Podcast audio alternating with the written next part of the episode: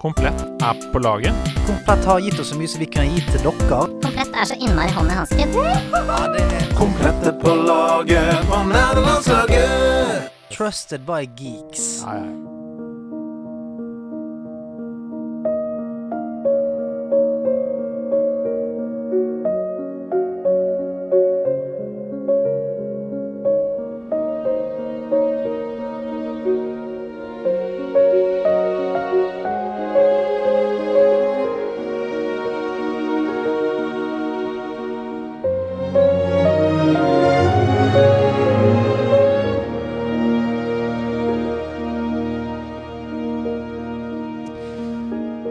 Remains of Edith Finch er et historiedrevet spill eh, der du spiller i førsteperson. Det er laget av Giant Sparrow. Det er utgitt for PC, eh, PlayStation, Xbox og Switch. Og det stemmer! Det blir en sånn episode, folkens. Så hvis du ikke er helt i modus til å kanskje felle noen tårer med oss, så trykk på pause, hør på en annen dag. Men det er deilig å bli rørt en gang iblant, så jeg anbefaler at du blir. Ehm, denne musikken er så hjerteskjærende vakker at jeg må skru den av. For ellers så klarer jeg ikke å fortsette å høre på. Hva syns dere innledningsvis om musikken? Altså, det var i, altså Hjerteskjærende er ordet. Det, altså, for et anslag på en nydelig sommerettermiddag, kveld, dag som dette. Ja, det er helt utrolig. Um, det begynner jo hele dette spillet med at uh, den personen du spiller som, sitter på en båt um, med to ting i hendene. En dagbok som det står Edith Finch på i den ene hånda, og syv hvite liljer i den andre hånda. Eh, og så åpner du dagboka, og en kvinnestemme sier til deg da A lot of this isn't going to make sense to you, and I'm sorry about that. Man. Man. I'm just gonna start at the beginning with the house, sier denne stemmen. Eh, heldigvis sier ikke den man, for det hadde ødelagt hele øyeblikket. Litt sånn som det, litt sånn det ble ødelagt her nå. Eh, ikke Det ble ingenting, ingenting er ødelagt, Andreas. Fortsett, det er nydelig. Uh, og den, denne stemmen sier det, og plutselig da så eh, skjermen går til svart. Det fader opp igjen. Vi befinner oss i en skog på vei til det huset som vi nettopp hørte den stemmen snakke om inn i headsetet. Og nå er det en annen person vi styrer, fordi vi ser at det er forskjell på hendene. Eh, det er et førstepersonsspill, eh, og personen på båten hadde en eh, slags bandasje på høyre hånd, mens personen som vi styrer som nå, har en vått eller en hanske-ish, på høyre hånd. Så det er åpenbart ikke samme person, og ikke på samme tidspunkt. Um, og vi skjønner da at det er Edith Finch, altså eieren av denne boken, som leser, og som snakker til oss som spiller. Eh, og at det er henne vi styrer. Altså, vi styrer Edith Finch, um, og vi opplever nå det hun har skrevet om i dagboken sin, som hun leser, det opplever vi mens det skjer. Og allerede der så er spillet kjempemagisk, for jeg føler meg sånn eh, ekstremt tatt vare på av den der 100% levende fortellerstemmen som trekker meg inn i det, eh, og, og som sagt da forteller oss om det vi opplever, mens vi opplever det. Eh, og når, hvis jeg snur meg til venstre på denne stien, så kommer det f.eks. tekst over eh, tekst over himmelen, som er det eh, hun leser. Mm. Um, så med andre ord, når jeg ser noe som skjer, så skriver jeg det på en måte i dagboka. Fordi det er jo jeg som er Edith Finch, så jeg spiller jo uh, den stemmen. Eh, husker dere dette anslaget? Har dere, for det første, har dere spilt det spillet? Jeg har spilt det. Nei. Eh, nei. Uh, men hva tenkte dere da Da dere spilte det første gang? Var det, var det sånn, fordi dette er jo en slags walking simulator, som mange kaller det. Um, og um, ja, hva, hadde, Hvilke forventninger hadde dere? Hva tenkte dere med anslaget? Jeg mener å huske, om jeg ikke husker feil, som jeg ofte gjør, at det var du som pensa meg inn på å spille What Remains. Mm. og jeg husker at jeg hadde enorme forventninger, fordi Mm. du elsket jo det. Ja. ganske with a passion. Eh, og jeg husker veldig godt det, og tenkte at uh, det var jo i en sånn walking simulator boom-periode. Mm. Så jeg husker at jeg var ikke mett, men Ja, ja. jeg var liksom sånn Dette var ikke nytt for meg. Nei, jeg. Eh, Så jeg husker at jeg tenkte Men jeg husker at jeg så huset også, for det er jo litt sånn Mm, Det har, det har, har, har, sin spaisa karakter. Så jeg husker jeg tenkte at dette er spennende. Ja. Jeg, jeg kjente på spenning. Og det må vi også huske, da. eh, Vi er jo opptatt av historie her. eh, Og dette var jo et av de første. ikke sant? Dette er jo på, måte, på mange måter en definisjon av sjangeren. Det er mange som har kopiert dette spillet ettertid, og jeg, ikke, jeg spilte jo dette seint. Det må presiseres. Hva tenkte du også? Nei, altså jeg, jeg hadde Jeg har ikke spilt så veldig mange Walking Simulators, øh, verken før eller siden. Uh, men jeg ble veldig sånn sugd inn i det. Mm. Uh, og hele den vibben og den musikken som ligger under. Mm. Og jeg skjønte at uh, Altså, jeg bestemte meg veldig fort for at dette skal jeg spille ferdig i kveld. Mm. Jeg merket med en gang det at nå, nå kommer jeg inn i den modusen her, og her vil jeg være nå. Jeg skal ikke være her i morgen, jeg vil være her nå. Og Mm. så vil jeg bare bli ferdig om det er så er jeg ferdig klokka fire på natta. Og jeg er jo veldig fan av den type spillopplevelser som er bit-sized, og som du kan på en måte, som en film, da, fortære på en kveld, liksom. Eh, et gode eksempel på det er Inside, for eksempel, som du også kan spille gjennom på en eh, kveld. Men eh, What Remains of Edith Finch er to timer. Mm. tops, liksom. Med andre ord, det er en god film. Eh, bare at det er du som spiller den. Ok, Jeg ville bare snakke litt om det anslaget til å begynne med, men eh, jeg skal hoppe litt fram. Fordi jeg har lyst til å fortelle litt om hvordan man spiller dette spillet. Først og fremst, Hvilke konsoller kan man spille dette på? Jeg sa det innerst men du kan spille på PC, PlayStation, Xbox og Switch. Nå ble han, nå ble han, nå ble han sint. Nå fulgte du ikke med. Han Ivar. Nå. Nå er han illsint.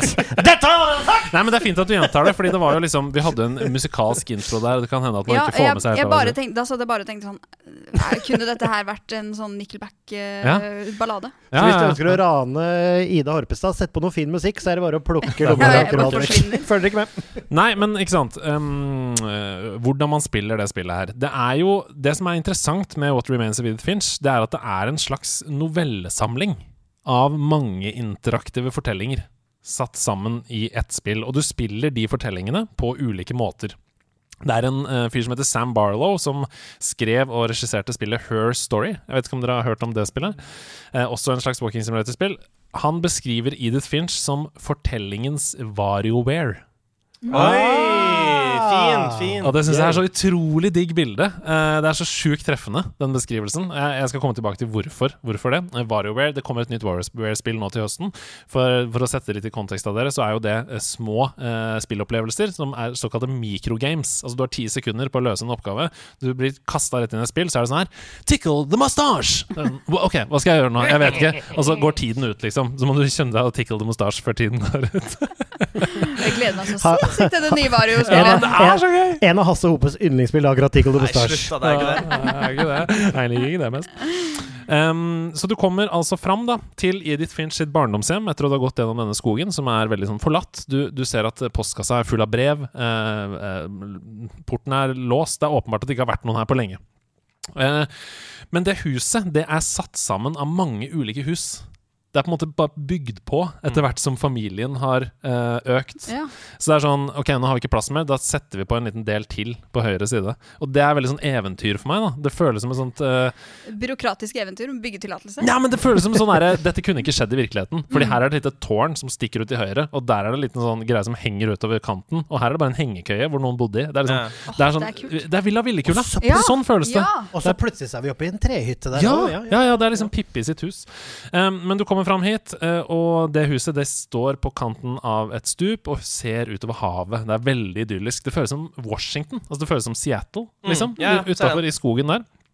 Uh, og i dette huset så er det masse ting du kan trykke på, ting du kan lære om. Det er bilder som du kan se. Det er bokser med mais som står på benken, og du trykker på de, så skjønner du hvorfor de står der.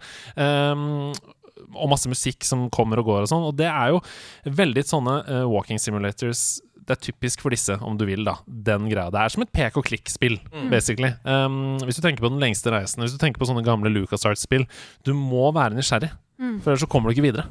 Ja, du er, jo, du er jo her for å bli fortalt en historie som du må oppsøke aktivt. Mm. Al altså, Du er ikke her for å øh, skyte opp folk Nei. eller action, du er her for å utforske. Ja, det, Gameplayet ditt er mus og tastatur, på en måte. Og, Altså, du, og du vet ikke hvorfor du er der. Gjør Nei, nei, du, du ikke gjør i det det. Og i, ofte i, i Walking Simulator så har du på en måte et visst mål. Mm. Sånn come, Gone Home så er det liksom Ja, hvorfor er alle blitt borte? Men her er det bare sånn du bare er der og må bare skjønne etter hvert hvorfor du Mm.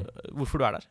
Så for å, få, for å få mulighet til å oppleve da, alt spillet har å by på, så må du være nysgjerrig. Ja. Og det liker jeg. Du må liksom ta deg tid, du må trykke på ting, du må følge med. Men samtidig, det tar bare to timer. Det er ikke sånn at du må sette av ti timer og være nysgjerrig. Altså, eh, du kan bare, Hvis du er uthvilt en dag, liksom, en lørdag, og spille det fra klokka 11 til 1 på dagen, perfekt. Um, men du må følge med. Og Edith sin familie, da, som uh, har bodd i dette huset gjennom alle tider, det er en familie med norske aner. Faktisk. Uh, kom fra Norge, emigrerte til USA. Uh, og i 500 år, sies det ganske tidlig i spillet, så har de vært berømte i Norge for their fortune and misfortune. Oh, Fikk Ja, familie. Ja, ja. Ja, det er rett og slett uh, ja, nei, Nå holdt jeg på å ta en vits. Jeg sparer meg for det. Bra! Etter hvert som du navigerer deg rundt i det huset her, så skjønner du hvorfor eh, de har vært berømte berømt for sin fortune and misfortune. Fordi alle Edith sine familiemedlemmer Mm. er døde. Ja. Alle Det er er mye misfortune. Det er absolutt veldig mye misfortune, og de har dødd alle sammen på forskjellige bisarre måter. Nesten som en sånn Husker du den derre eh, Hva het den der skrekkfilmen som var sånn Dere var på det flyet som egentlig skulle ha styrta, men dere overlevde, så nå er døden på jakt etter dere. Final Destination. destination! Det er Og tømmerstokkscenen. Nok om det. Ja, men det er sånn, da. Mm. Familien, Hvis du går rundt i huset, så, så, så eh, finner du ut at familien mener at det hviler en forbannelse over dem.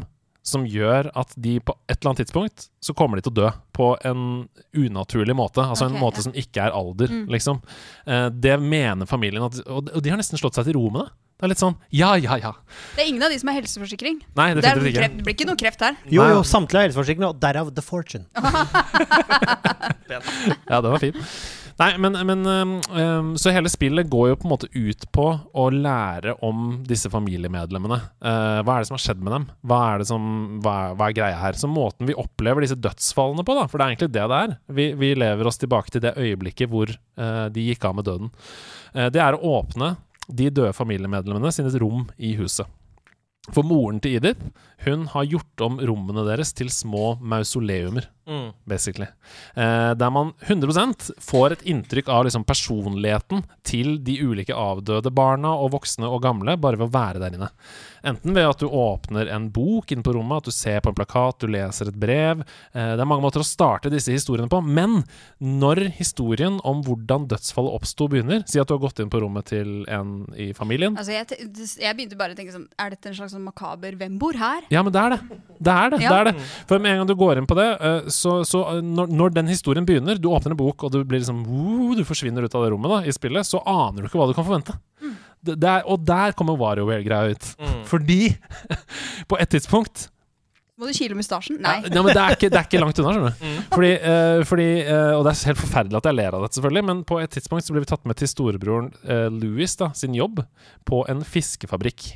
Vi blir tatt ut av huset, og vi våkner liksom på den fiskefabrikken, og vi kutter av fiskehoder. Så det er en veldig sånn monoton jobb. Mm. Du bare nye slice. Neste fisk. Mm. Slice. Neste fisk. Og mens vi holder på med det, så drømmer han seg bort. Altså vi som spiller da, han drømmer seg bort i en historie om å ikke passe inn. For han passer åpenbart ikke inn. Eh, det er noen hint der om at han kanskje liker gutter. Og det er ikke sånn kjempesosialt akseptert. Um, men etter hvert som han, han kutter disse hodene, så blir vi mer og mer uh, forsvunnet inn i en, i en historie om han, han er en prins i et kongerike. Og da skal du på en måte navigere deg gjennom en labyrint, som okay. denne prinsen. Og du må finne veien videre og, og sånne ting. Og den historien den ender brutalt med at vi ikke på noen som helst måte er tilbake på fiskefabrikken. Altså Nå er vi fullt inne i historien. Mm. Um, og at Louis da forestiller seg det er endelig, og det, eh, historien sier det også, endelig eh, passet han inn, liksom. Mm. Endelig han er prinsen som har kommet tilbake til kongeriket. Han lener seg ned for å bli kronet, og det viser seg da å være den fiskehodekutteren Nei! som kutter nakken. Nei! På det så Louis. Eh, og det er jo forferdelig. Ja. Fordi vi som spillere, vi er jo da selvfølgelig levd inn i sånn Vi har glemt at vi er på denne Ja, ja, fiskefabrikken. ja, vi vil bare være prins. Mm, og så bare Rakk! Og så ender historien hans. Vi er tilbake i huset. Mm. Uh, og uh, gåsehud på beina! Ja, jeg ser det. men jeg kjenner det på Ja, jeg kjenner, det, jeg kjenner. altså, det er jo det er jo en av de øh, virkelig Altså, det, det, det, jeg husker det så godt fra det spillet, at det var noen sånne Det går fra å være veldig vakkert til fascinerende til noen sånne ordentlige sånne emosjonelle rysere Mm. underveis. Mm. For En annen historie her, det beskriver jo da lillesøsteren, Molly, sin død. Og hun er jo bare et lite barn. Altså Hun er typ fem-seks år. Eh, og i hennes historie så våkner hun midt på natta. Etter å ha blitt sendt i seng av moren til Edith uten middag fordi hun har oppført seg dårlig. Uh, og det er egentlig en sånn gjennomgående tematikk her, er jo at um, det er mye sånn dårlige foreldre. Mm. Altså det er, det, det er bare sånn Man har vært sloppy i oppveksten, da. Men anyways, det kommer vi tilbake til. Um, hun har blitt sendt i seng uten middag og oppført seg dårlig, så hun våkner ut på natta og er kjempesulten, selvfølgelig. Selvfølgelig. Uh, og vi spiller som henne. Eh, så hun har jo barnestemme, og plutselig så er det liksom sånn I was so hungry. På en veldig veldig søt måte, ikke sånn som jeg klarte å si det nå. Det er ikke et horrorspill. Nei. Eh, men det, det blir det nesten her, skjønner du. Fordi hun leter etter noe å spise på rommet sitt, og hun ender med å spise masse tannpasta. Fordi hun er så sulten. Mm. Og det er det eneste som ligger inne på badet Mm. hennes. Og noen giftige bær som ligger i vinduskarmen. Ikke fluorforgiftning. Nei. Og plutselig, da, etter at hun har gjort dette, så forandrer kameraet seg. Hun åpner vinduet, og det jeg tenkte da, var sånn shit, hun kommer til å hoppe ut av vinduet. Mm. Og idet hun hopper ut av vinduet, så blir hun en katt. Ja. Og så løper hun bortover en grein og jakter en fugl og sånn. Uh, og, og det er vi som spiller, så det er et plattformspill. Da må du på en måte hoppe som katten rundt i der.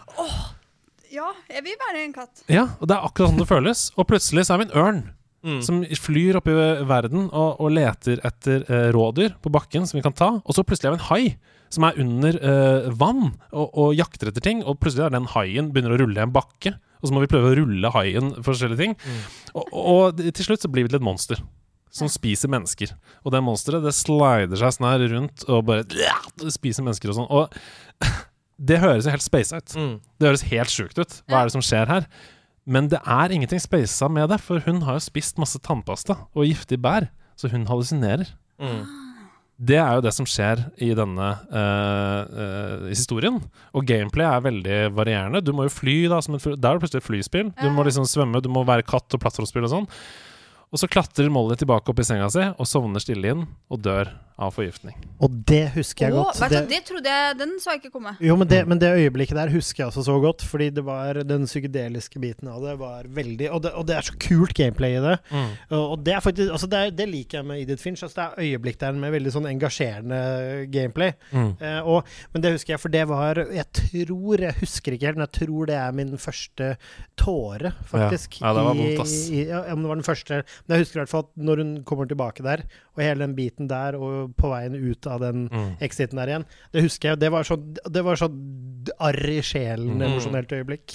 Er det en, noen andre favoritthistorier dere har fra huset? Um, husker du noen? Ja, altså jeg husker veldig godt uh, den, den sekvensen der du Du står på en strand, og så Mm. flyr du en drage. Mm. Som jeg synes var så utrolig vakker. Mm. Eh, jeg husker ikke helt hva man skal gjøre, eh, men eh, jeg bare husker at jeg ble så veldig zen samtidig som jeg var Jeg ble sånn trist zen. Ja, det er veldig vemodig spill, og Ja. hele stemningen er sånn um, kalma, men veldig sånn trykka samtidig. Ja. Jeg vil ikke spoile for mye, selvfølgelig, for jeg håper jo at alle blir inspirert til å spille det. av å høre dette Ja. Min, min, altså min definitive er jo den du snakker om der, med, med hallusineringen som Mm. Ja. med katten og bare hele Altså estetikken i det. Mm. Igjen, da. Så jeg tror nesten det ikke skader spillet å si det, fordi det er et eller annet med hele det spillet der som gjør at selv om du hører noen si Ja, så sånn og sånn. Du kan, ikke, du kan ikke begynne å forstå engang hjemme Mm. i øret hva det er, fordi det er en audiovisuell greie. Mm. Og det er kunst da i spillet underveis, og nesten hvert eneste lille sprang har en slags allegori. da Ja, og jeg blir, jeg blir så imponert over sånne spill som liksom klarer å kombinere så mange sjangre. da Det er sånn som It Takes Two, på en måte. Altså At du har så mange forskjellige mekanikker i et spill. Og du ser på en måte at her er det ikke sånn at de har tenkt her, hvordan kan vi ha et spill der vi har syv forskjellige vidt forskjellige måter å ha det gøy på. Nei, det er liksom det, det, det, det er historien som kommer først, og så finner du ut av hvordan er det dette kan fortelles på en uh, interessant måte. Mm. Jeg blir så imponert. Jeg må bare ta opp fordi en av mine favoritt Altså Det er jo forferdelig å si favoritt, fordi det er jo helt grusomme skjebner her. Uh, Men en av mine favoritthistorier er om den yngste babyen, som heter Gregory. Han er bare ett år gammel, og han elsker å bade. Så mye at foreldrene tenker at han, er, han kommer fra havet, liksom. Altså Han er bare sånn Han kan ligge i badekaret i timevis og bare leke og drømme seg vekk i fantastiske historier. Og så merker du at eh, foreldrene krangler utafor, og de, de glemmer han inn på badet. Og han leker og drømmer seg vekk i en verden som fører til at han kaster en eh, badeand, eller en hai eller noe sånt, en oppblåsbar ting, på eh, vannkrana, som begynner å fylle opp badekaret. Eh, og det blir en slags koreografi med alle lekene, og han svømmer rundt, og han um, uh, går under vann med hodet, og svømmer under vann, uh, og forsvinner da ned i sluket. Um, men det det skal være en um, metafor for, er jo at han drukner. Mm. Og det er en baby på ett år som drukner, og det er en helt forferdelig scene oppe i tappen hvor, som viser seg da at det, det du lærer da, det er at foreldrene til Idis skiller seg av det. Fordi faren klarer ikke å tilgi moren for at han Nei, for at hun lot han være alene. Mm. Jeg sitter jo her og tenker hvorfor har de barn i det hele tatt? De Mm. vet at uh, uh, at, at dette går jo ikke bra. Mm. Eh, og det, det er jo liksom ikke Altså, det, er- jo grusomhetene. Jeg, jeg har jo faktisk en og, og kanskje den slår inn åpne dører. Jeg trenger ikke å ta den nå, jeg kan ta den avslutningsvis. Mm. Men jeg har jo en egen teori Ja. på altså en egen, liksom, hva dette er en allegori for. Men vi Jeg, kommer jeg, sikkert dit. dit, ja. Mm. For en annen interessant ting som jeg har lyst til å diskutere med dere før vi går mot slutten uh, av spillet, det er uh, den interne konflikten i familien, som vi får lov til å bli kjent med etter hvert her. Og det er et litt sånn større filosofisk spørsmål. Det er derfor jeg tar det, for nå skal vi kanskje ut av spillenes verden og inn i virkelighetens verden. Fordi moren i familien hun ønsker jo å lukke disse dødsfallene vekk. Hun stenger rommene til husene, og hun låser dem med sånn skum, sånn at det ikke går an å åpne dørene. Og hun har aldri lyst til å snakke om dem igjen. Men bestemoren hun ønsker at rommene skal være åpne, og at alle skal kunne gå inn. At man skal kunne minnes og snakke om de døde og hva som skjedde med dem. Så hun lager sånne hemmelige veier inn som moren ikke vet om. Og det er de vi tar da, for å komme oss inn i rommene. Men hva syns dere? Skal man liksom til stadighet minnes om de som er døde? Eller skal vi begrave dem og glemme dem? Jeg tror da at uh, altså, Og her kommer altså, det, jo, det går inn på den teorien min. Skal jeg ta den, bare? Um, ja, det kan du. Ja, jeg kan godt gjøre det. Altså, det fordi min teori om dette er um, denne Altså I- Edith Finch, altså hennes måte å cope med tapet uh, ved å romantisere folk nære seg død, altså sin død. Romantisere hva som trigget det. Jeg tror huset er en slags mental sammensetning av en eh, kognitiv coping-mekanisme, for det huset kan ikke eksistere Mm. på noen som helst måte. Eh, og alle rommene og hele tingen, og liksom Uansett hvordan de dør, da. Så, og så er det noe med når man går litt i sømmene, sånn å spise giftige hallusinogene bær er i 99 sik eh, av tiden ikke å fly som en ørn og svømme som en hai, men det er liksom det man Det føles ut, da. Og det, drukningsdøden som er Mm. det. Han som uh, mista fokuset på fiskelinja. Mm. Hans, å nei, han ble egentlig en prins, jeg er redd for han døde. Alt dette føles ut som coping-mekanismer Mm. i det som egentlig er ganske Dark. grusomme Mm. ting. Og jeg tror ikke nødvendigvis at alle disse dødene er i én familie. Jeg tror dette er Ja, det er interessant at du sier. ja for, jeg, ja, for jeg tror dette kommer av at det er hennes coping eh, Eller en persons mekanisme å cope med mennesker nær seg Ja. grusomme død, gjerne over tid. Spennende teori. Mm. Det er min teori. Men eh, ok, jeg har lyst til å spørre deg da, Ida, um, Altså, om, om det. det jeg- Minnes eller begrave? Ja, for det jeg tenker, er at hele spillet er Det, det, det tar jo for seg at eh, Og kanskje litt sånn um, Starter jo en diskusjon, da, om uh, hvordan er det meninga man skal sørge. Mm. Uh, sånn som moren her har jo tydeligvis gått for den uh, glemmetaktikken.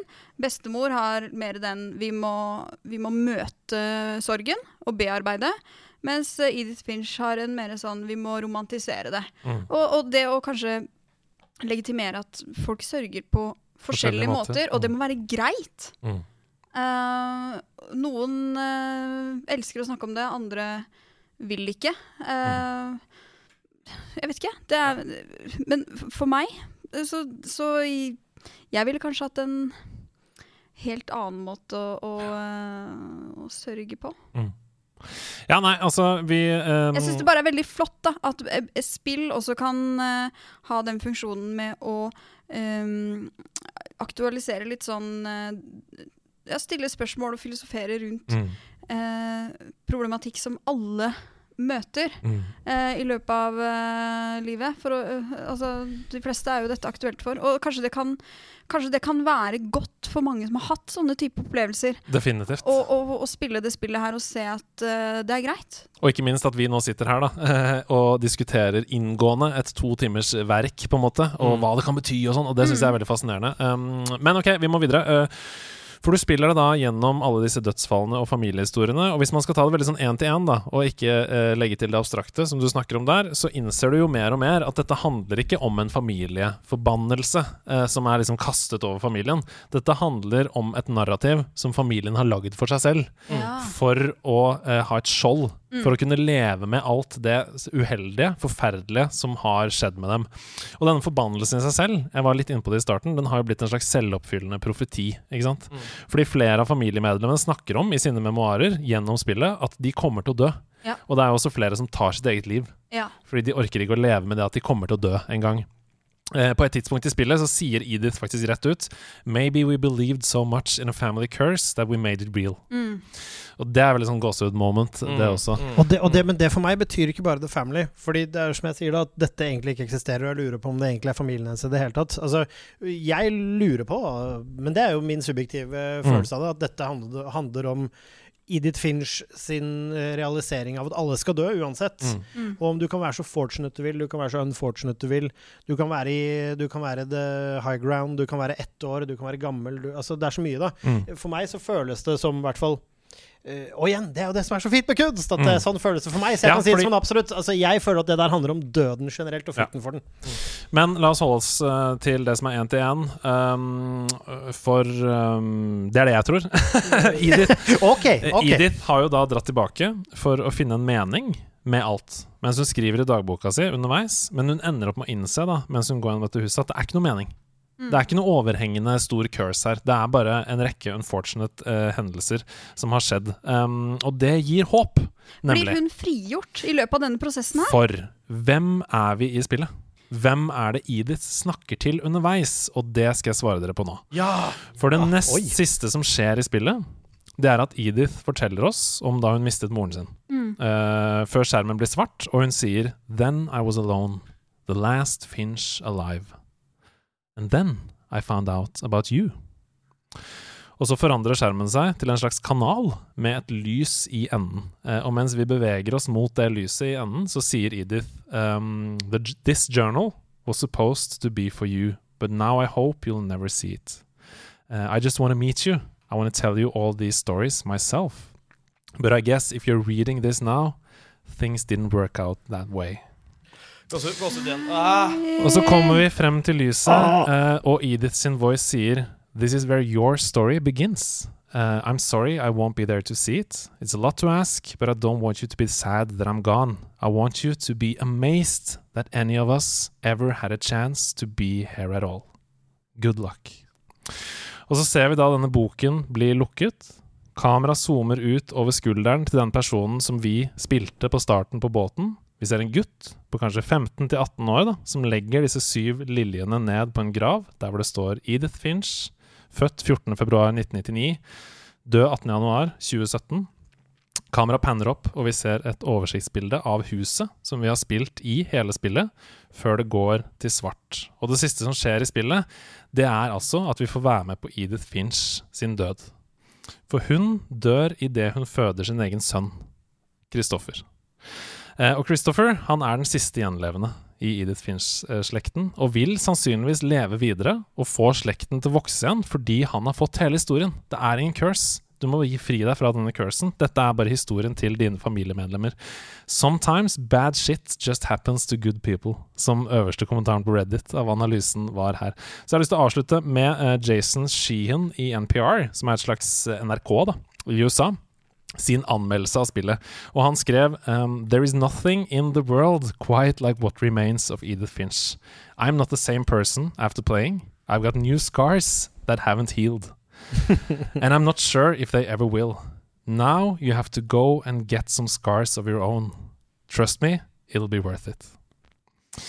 Eh, det er så mange ting man kan si om dette spillet. Jeg tror ikke vi skal si dem. Du kommer deg gjennom på to timer, som jeg har sagt. Det er to fantastiske timer. Det er en connection mellom dette spillet her og The Unfinished Swan, som var spillet som ble gitt ut før. Eh, det skal jeg ikke avsløre, for det er helt fantastisk når du ønsker å oppføre Wow! den connection. Men la meg bare si veldig kjapt at Men du eh, må spille begge spillene. Det er det jeg sier. Men la meg si veldig kjapt, Hedo, at du sa jo det at jo, men din tolkning litt mer én til én. Jeg vil si at det ikke er noen konflikt mellom min tolkning om menneskelige slekt skal følge slekters gang, og frykten og det dødelige i et menneske, og din én til én om familien Finch. Jeg tror Mm. familien Finch er menneskeheten. Ja, ikke sant? Mm. Er det ikke deilig, da, dere? Ja. At spill kan få oss til å føle disse tingene? Ja, Jeg satt igjen med en sånn der The Ring-følelse.